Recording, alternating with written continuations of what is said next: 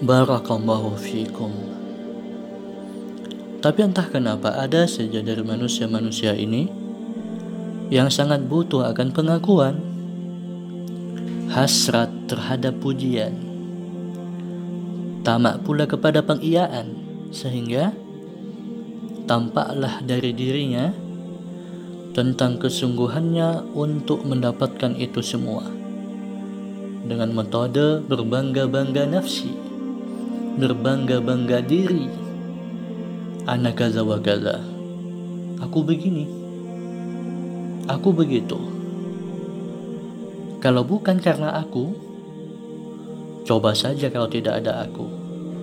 Dan dengan nada-nada berbangga semisal lainnya.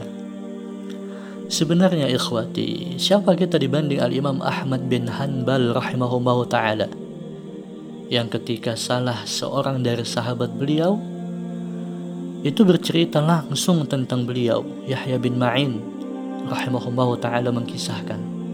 Dalam kitab Hilyatul Aulia bisa kita cross check beliau mengkisahkan aku tidak pernah melihat seorang pun yang semisal Ahmad bin Hanbal. Kami bersahabat dengannya selama khamsina sana 50 tahun Beliau tidak pernah berbangga diri atas kami dengan sesuatu pun. Dilanjutkan, bahkan beliau Ahmad bin Hanbal pernah mengatakan, kita adalah orang-orang yang layak dikasihani. Kalau saja Allah tidak menutupi, niscaya akan tersingkap aib-aib kita. Naam. Ghafarallahu lana jami' فَتَشَبَّهُ إِن لَّمْ تَكُونُوا مِثْلَهُمْ إِنَّ التَّشَبُّهَ بِالْكِرَامِ فَلَاحٌ